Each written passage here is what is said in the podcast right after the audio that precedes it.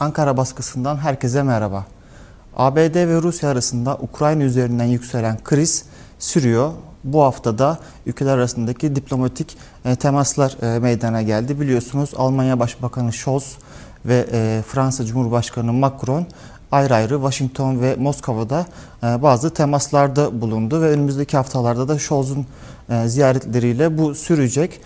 Ukrayna'da neler olduğunu, ve e, burada e, doğalgaz boru hatları üzerinden süren çekişmeyi enerji politikaları uzmanı Doktor Mühtan Sağlam'la konuşacağız.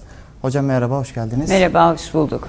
Ee, öncelikle şuradan başlamak istiyorum. Şimdi e, ABD ile ve ABD ile Rusya arasındaki çekişme e, e, en azından yakın zamanda özellikle güneyde Suriye, kuzeyde Ukrayna üzerinden sürüyor. Yani Türkiye kamuoyu Suriye'deki gelişmelerle çok içli dışlı. E, fakat Ukrayna biraz daha bilinmez. E, o açıdan anlaşılır olması açısından e, şuradan başlayalım isterseniz. Ukrayna'da e, kimin ne alıp veremediği var ve bu kriz e, nasıl ortaya çıktı?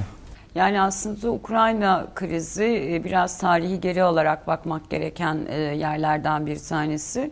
Rusya'ya göre SSCB dağılırken Batı bloğu ya da daha dar anlamıyla ABD ve NATO kendilerine NATO'nun doğuya doğru genişlemeyeceğine dönük bazı sözler verdiğini e, ifade ediyorlar. Bunlar yazılı değil sözlü olarak söylendiği ifade ediliyor. Gorbaçov'a bu sözlerin verildiği ancak Rusya 1993 ee, yılında zaten yayınlamış olduğu Karaganov doktrini ile aslında yakın çevresi olarak adlandırdığı eski Sovyetler Birliği'nin parçası olmuş olan devletlerin kendisinin yaşamsal alanı olduğunu, buraya bir müdahale geldiğinde arka bahçesi olarak gördüğünü ve e, ilk saldıran olmayacağı ilkesini bile bir kenara bırakarak SSCB döneminde bu vardı. Bu ilkeyi bir kenara bırakarak gerekeni yapacağını söylemişti. Nitekim denklemde böyle ilerledi aslında. Ancak e, Bush iktidarı ile birlikte 2008 yılında hem Gürcistan hem Ukrayna için e, üyelik eylem planı başlatıldı NATO üyeliği için. Bu Rusya için kabul edilemezdi. Zaten söz konusu coğrafyada renkli devrimler gelişiyordu. Çünkü Rusya en nihayetinde kendisinin çevrelenerek burada bir iktidar değişikliğini gerçekleştirileceğini ve aslında kendisinin tam da ABD'nin onun tasvirine göre e, istediği boyunlayan bir aktöre dönüştürüleceğini düşünüyor. O nedenle de e, tampon bölge olarak gördüğü bu buralardaki gelişmeleri yakından takip ediyor. E, 2008 yılında Bush yönetimi söz konusu Ukrayna ve e, Gürcistan'la eylem planını başlattıktan sonra nitekim 8 Ağustos 2008'de Rusya'nın Abazya ve Osetya, Güney Osetya'daki durum üzerinden Gürcistan'a savaş açtığını gördük. Buraya girdiler. Burada ciddi bir savaş verdiler ve aslında e, Rusya bu savaşta da diğer e, NATO'da gönlü olan ülkelere gerektiğinde saldırabileceğini ve Batı kanadının aslında kendilerini savunmayacağını gösterdi. E, bu süreçte NATO bu eylem planını askıya aldığını duyurdu ama e, 2013 yılına geldiğimizde Rusya özellikle Ukrayna'yı kendisi hem doğal gaz aktarımı açısından hem de e, güvenliği açısından kritik merkezlerden bir tanesi olarak görüyor. Avrupa Birliği'nin Doğu Ortaklığı projesiyle Rusya'nın Avrasya Ekonomik Birliği e, projesi arasında, birliği arasında Ukrayna'nın bir seçim yapması gerekti ve e, söz konusu dönemde Ukrayna Cumhurbaşkanı Yanukovych her ne kadar Rusya'dan yana tercih koymuş olsa da toplumdan gelen sert tepkiyle sadece anlaşma iptal edilmedi. Yanukovych de Rusya'ya sığınmak zorunda kaldı ve Rusya nitekim bu duruma olan tepkisini Kırım'ı işgal ederek ardından ilhak ederek gösterdi. Çünkü Kırım Rusya için e, kritik merkezlerden bir tanesi Sivas, Topol Limanı Çarlık döneminden bu yana e, Rusya, SSCB, Rus Çarlı açısından hep kritik bir yerdeydi. Ukrayna'dayken de zaten Kırım, Rusya burayı uzun süreli kontratlarla kiralıyordu. E buraya el koydu aslında bir anlamda. Kendince güvenliğini garanti altına aldığını düşünüyor. E, peşi sırada aslında iki ülke arasındaki gerilim yatışmadı. Yani en azından Ukrayna'nın doğusunda Donbas bölgesindeki çatışmalar sürdü. Rusya bunları el altından desteklemeye devam etti. E, merkezi yönetim, Kiev yönetimi buraya yeteri kadar müdahale edemiyor. E, ancak son gelişmelerin nedeni ise Rusya'nın aslında e, Ukrayna'nın NATO üyeliğine hazırlandığına dönük hazırla hatta ABD eliyle bu hazırlığın yapıldığına dönük olan şüpheleri e, ve bu çerçevede tepki gösteriyor.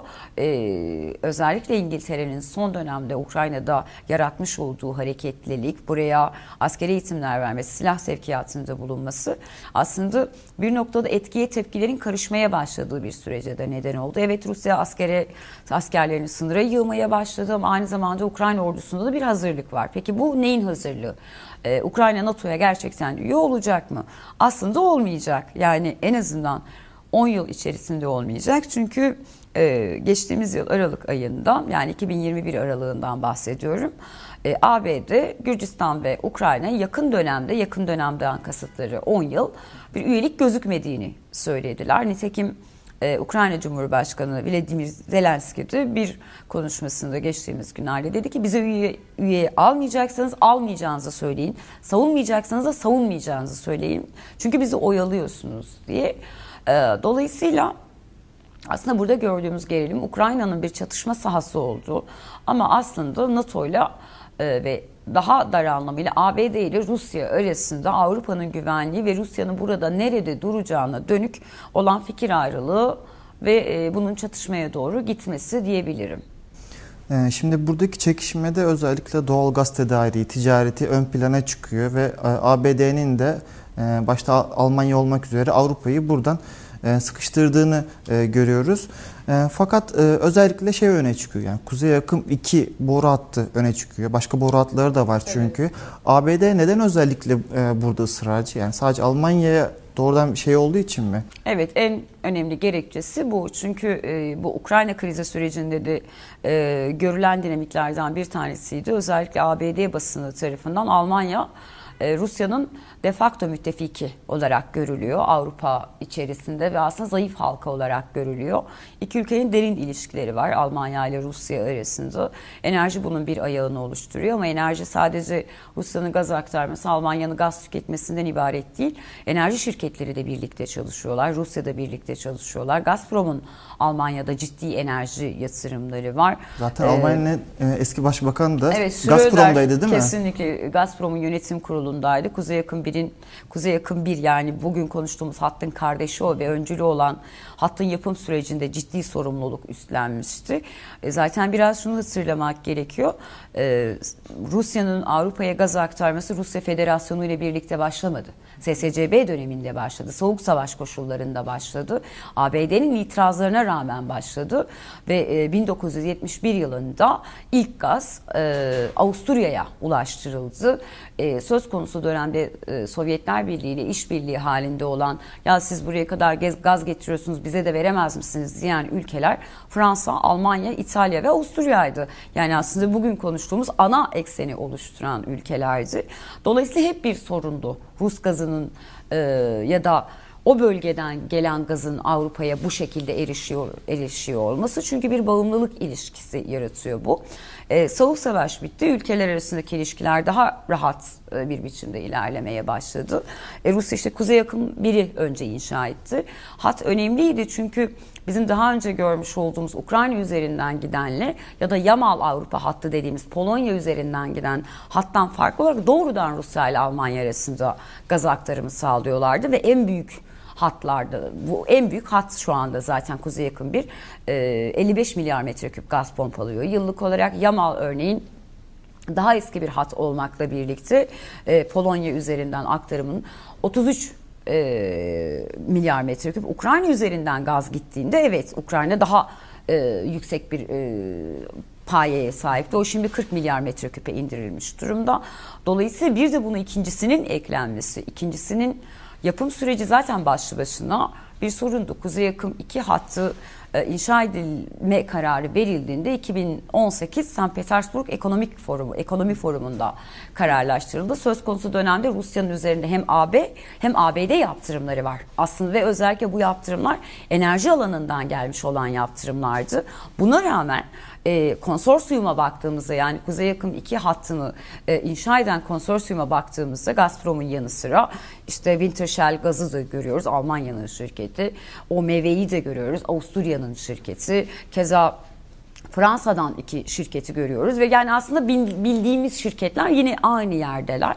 E, dolayısıyla hattın inşasından günümüze kadar aslında ABD'nin hat karşıtlığı bir bir partizan bir politika olarak uygulandı. Yani başkanların partilerinden bağımsızdı. Ee, biraz belki izleyicilerimiz de okuyucularınız da hatırlayacaklardır.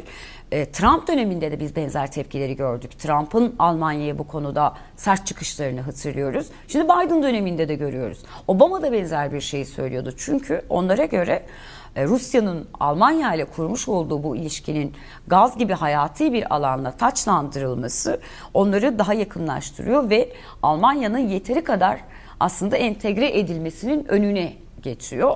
Kavgada biraz bu yüzden örneğin Yamal hattı hiç gündeme gelmiyor. Oysa bu hatta hem de Polonya gibi hani Avrupa Birliği içerisinde Rusya karşıtlığıyla e, bilinen bir ülkenin topraklarından geçiyor.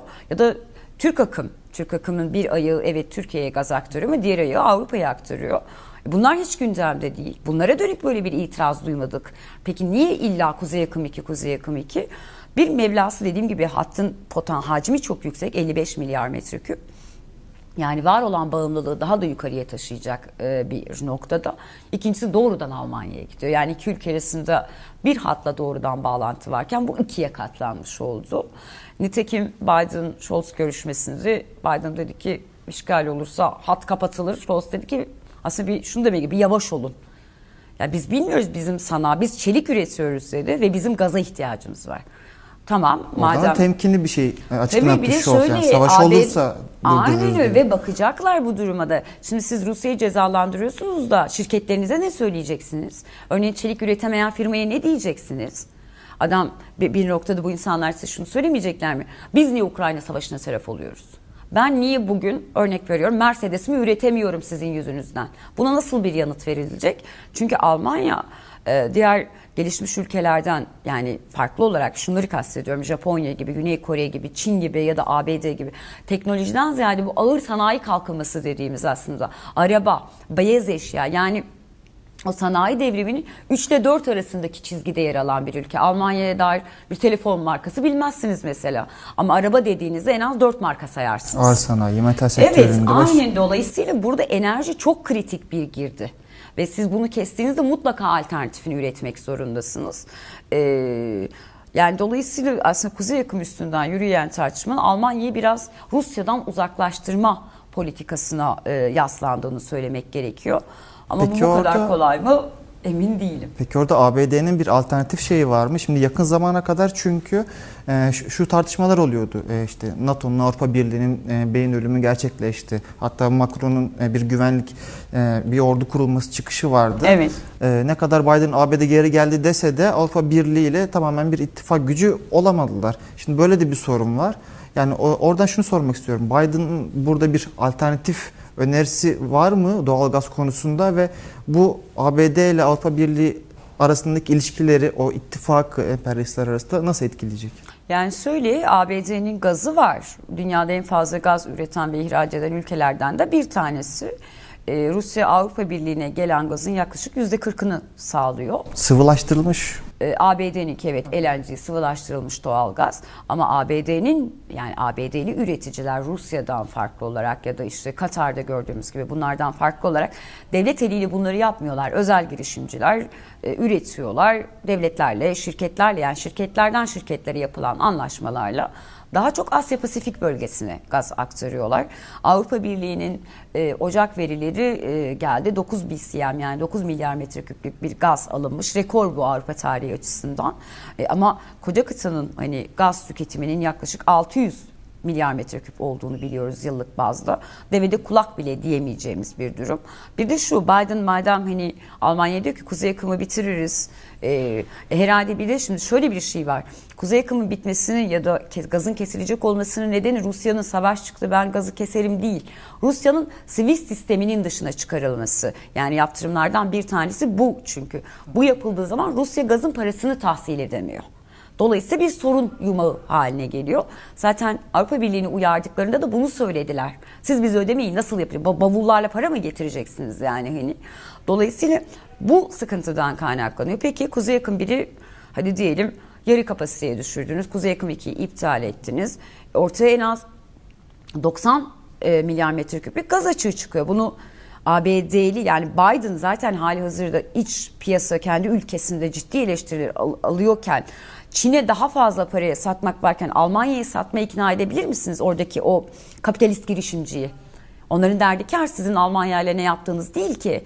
Peki Biden bunun için devlet bütçesini kullanmayı yani sübvanse etmeye de senato ve e, temsilciler meclisini ikna edebilir mi? Bu da bir soru işareti. Dolayısıyla hani e, şunu demek gerekiyor. Tamam Rusya gazı kesiyor sen ver o zaman.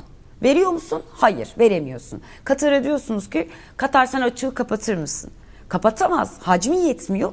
Üstelik Katar'ın anlaşma yaptığı 3 ana tedarikçisi var. Şimdi bu gaz sıvılaştırıldı diye de alo bana işte 5 ton doğalgaz gönder. Tabii abi yolluyorum değil. Belirli bir anlaşma yapıyorsunuz. Gemileri ayarlanıyor. sigortası göre yatırımlar yapılıyor Tabii ve şeyler. kontratların üçte ikisi uzun vadeli. Yani 15 yıllığına yapılıyor örneğin. Yani boru hattıyla taşınması başka bir şey. Sadece burada yani o aslında gördüğümüz uzun vadeli kontratlarda taşıma yöntemi farklı bir diğerinden. Daha önce biz görüyorduk boruyu oradan açıyordu vanayı bize geri burada gemiye yükleniyor. Önce sıvılaştırılıyor gemiye yükleniyor. Sonra gideceği özel terminalde tekrar gazlaştırılıyor ve dağıtılıyor. Yöntem farklı ama 3 aşağı 5 yukarı uzun vadeli kontratlar kullanıyorlar. Çin buna ikna olur mu Katar'ın ona şey demesine? Ya kusura bakmayın hani Rusya Ukrayna ile çatışınca biz de gazı Avrupa'ya vermek. Çin buna evet der mi? Çin peki kendi e, girişimcisine ne diyecek? Japonya ne diyecek? Güney Kore ne diyecek? Yani yarattığımız kriz bir anda Asya Pasifik'i vurmaya başlıyor. Oradaki açığı kim kapatacak? Ya Rusya kapatırsa ne olacak? Rusya'yı hani cezalandırıyordunuz? Tamam dedik. Zaten Çin'le bir anlaşma yaptı yakın dönemde 10 milyar metreküplük gaz için. Kimi cezalandırmış oldunuz bu durumda? Yani ağır bir denklem aslında. Hani alternatifini bulmak kolay değil. Ee, mağdur olacak olan Avrupa olacak ama en önemlisi Ukrayna olacak. Siz bir ülkenin üzerinde gerçekten iki emperyalist güç olarak çatışıyorsunuz. Orada gariban bir halk var. 48 milyon nüfuslu bir ülke var. Ekonomik durumları hiç iyi değil. Cumhurbaşkanları çıkıp dedi ki biz Rusya'nın bizi işgal edeceğini düşünmüyoruz. Tehdit algımız geçen yılla aynı ama siz öyle bir şey yaratıyorsunuz ki şu an bizim ülkemiz ticaret yapamaz noktada. Bizim borsamız işlem göremez noktada. Vatandaşlarımız uyku uyuyamıyorlar. Yani bu halka bunu yaşatmaya ne hakkınız var? Peki o bombalardan biri, o füzelerden biri Türkiye'ye düşerse bizim ne suçumuz var? Yani dolayısıyla böyle gerçekten bu hani gerekçelerini anladığımız, daha doğrusu mantığını anladığımız ama yine garibanların, yine yoksulların, yine bu süreçte hiçbir suçu olmayan insanların ezileceği, ezilmesinin göze alındığı bir pazarlık masasındayız aslında şu anda. Son olarak şu- şunu sorayım. Zamanımız da biraz kısaldı ama şimdi Türkiye'nin de burada bir arabulucu rolü olacağına dair e, özellikle Türkiye'de iktidar yakın medyada çokça haberler yansıdı etti. Bu e, Erdoğan'ın e, koronavirüse yakalandığı zaman da özellikle Evet. bunlar vardı. Her ne kadar e, Moskova'da e, Fransa için siz bir aktör değilsiniz nüansında bir söz söylense de e, Türkiye'nin e, buradaki pozisyonu ne olur? Yani buradaki yani Ukrayna krizinde bir arabulucu olma ya da e, en azından bunu yönelme bir e, bir rolü var mı sizce? Yani e, Türkiye Fransa'dan farklı, Rusya'nın gözünde de farklı. Yani siz bir aktör değilsiniz cümlesini kolaylıkla kuramaz Türkiye'ye karşı. Çünkü biz Karadeniz'e kıyıdaş bir ülkeyiz. Ve orada çıkacak olan savaş bizim iki komşumuz arasında. Dolayısıyla bize mutlaka yansıyacak. E, keza Erdoğan'la Putin arasındaki o özel bağda Macron'la... E, Putin arasındakinden farklı. Her ne kadar ikisini de görüşmeden önce Kremlin sarayında bir, bir süre kapıda bekletiyor olsa da hani şunu diyorsunuz en azından Erdoğan eli cebinde beklemiyordu falan diyoruz. Hani ve masa o kadar uzun değildi. Küçük tesellilerimiz var bizim de hani kendimizi önemseyebileceğimiz. Yani Türkiye aslında korkuyor. Türkiye bir savaşın kendisini yani tepesinde patlayan bir savaşın kendisine nasıl bir maliyetinde olacağını biliyor. Bunu Suriye'den deneyimledi. Evet kendisine göre askeri ve ekonomik bazı kazanımlarla çıkmış gibi görünüyor olsa da yönetmekte zorlandığı, e, en azından kayıtlı olarak 4 milyon insanın hayatı karartıldı ve bu insanlar hayatta kalabilmek adına hiç tanımadıkları bir ülkeye göç etmek zorunda kaldılar. Bugün türlü türlü ayrımcılığa maruz kalıyorlar, hedef gösteriliyorlar. Yani bu sadece olayın insani yükü. Burada bir sosyolojik kırılma yaşadık, işte ırkçı saldırıları görüyoruz. Peki aynısı şimdi bir de kuzeyimizde olacak bu. Bir anda hani savaş e, tamtamlarının ortasında kalıyorsunuz. Üstelik bu sefer iki büyük güç ve İkinci Dünya Savaşı'ndan farklı olarak, o dönemden farklı olarak siz artık tarafsız değilsiniz. NATO üyesisiniz. Ve her iki tarafta bunu biliyor. Şimdi bunu nasıl yöneteceksiniz? Üstelik Rusya'yla bir nükleer anlaşmanız var. Akkuyu'da bir santral inşa ediliyor. E, enerji Doğal piyasanızın %35'ine yakını Rusya tarafından e, ihtiyacınız gideriliyor. Benzer bir biçimde ticari anlaşmalar var. İhracatınızda önemli bir yerde sebze meyve satıyorsunuz bu. Turizm en basiti. Yani sizin için kritik bir de arada sıkışmışlık. Gerçekten yani hani Bir yanda Rusya ile bir yanda ABD Evet, ile ilişkiler kurdu. ABD örneğin NATO gemilerini tak tak tak Karadeniz'e çıkartmaya başladığında Rusya, Türkiye, Montreux ne yapıyorsun dediğinde ne olacak? Montreux düzeni çökebilir. Oysa Türkiye e, ilginç bir şekilde izleyicilerimize de ilginç gelebilir. Karadeniz bölgesinde ABD'ye rağmen bir denge kuran ülkedir. Yani Rusya'yı dışlamadan bir e, politika yürütür ve NATO'nun pek çok girişimini de böyle e, kabul etmemiştir. Çünkü Montreux dengesini korumak ister boğazlar elinizden gidebilir. Dolayısıyla e, o dengenin de bozulmasını istemiyor Türkiye. Bunu da korumak zorunda. Ukrayna ile de ilişkisi iyi. Onun da e, hasar almasını istemiyor. Bir yandan ticareti de var SİHA'larla. Evet, kesinlikle. E, dolayısıyla denge yani aslında Erdoğan'ın bence yapma. Ara bulucu olur mu? Hayır. Olamaz. Ama her iki tarafta hem Ukrayna tarafı hem Rusya tarafı çabanızı anlıyoruz dediler. Yani tamam hani anladık. Şunu söylemeye çalışıyor hani. Ben ABD gibi değilim. Va- Vallahi ben karışmıyorum. Bakın ben savaş tam tamı çalmıyorum. Komşuluk ilişkisi Evet ben gibi sizin gösterip komşunuzum. Hani beni şey yapmayın, karıştırmayın lütfen. Ama elimden bir şey gelirse yapabilirim. Çünkü Türkiye hani bu Erdoğan'la alakalı da değil. Korkmamız gerekiyor ve korkuyor haklı olarak. Korkuyoruz gerçekten yani. O, öngöremezsiniz ne olacağını. Bu bir dünya savaşına gidebilecek bir durumu tetikleyebilir. Ee, o nedenle tutumu çok yanlış değil Türkiye'nin. Ee, ama dediğim gibi NATO gibi bağlayıcı bir mekanizma S-400'leri ne yapacaksınız mesela şimdi? Hani konuş bir yere koydunuz herhalde Rusya'ya karşı kullanamayacağınıza göre ama NATO da var. Böyle hani tuhaf gerçekten zor bir e, ateşten gömlek giymiş durumda yani şu anda Türkiye. Tamamdır. Çok teşekkür ederiz. Ben teşekkür ederim, sağ olun. için. Ee, bu hafta Doktor Mühiden Sağlam'la Ukrayna'daki gelişmeleri konuştuk. Haftaya programımızda görüşmek üzere.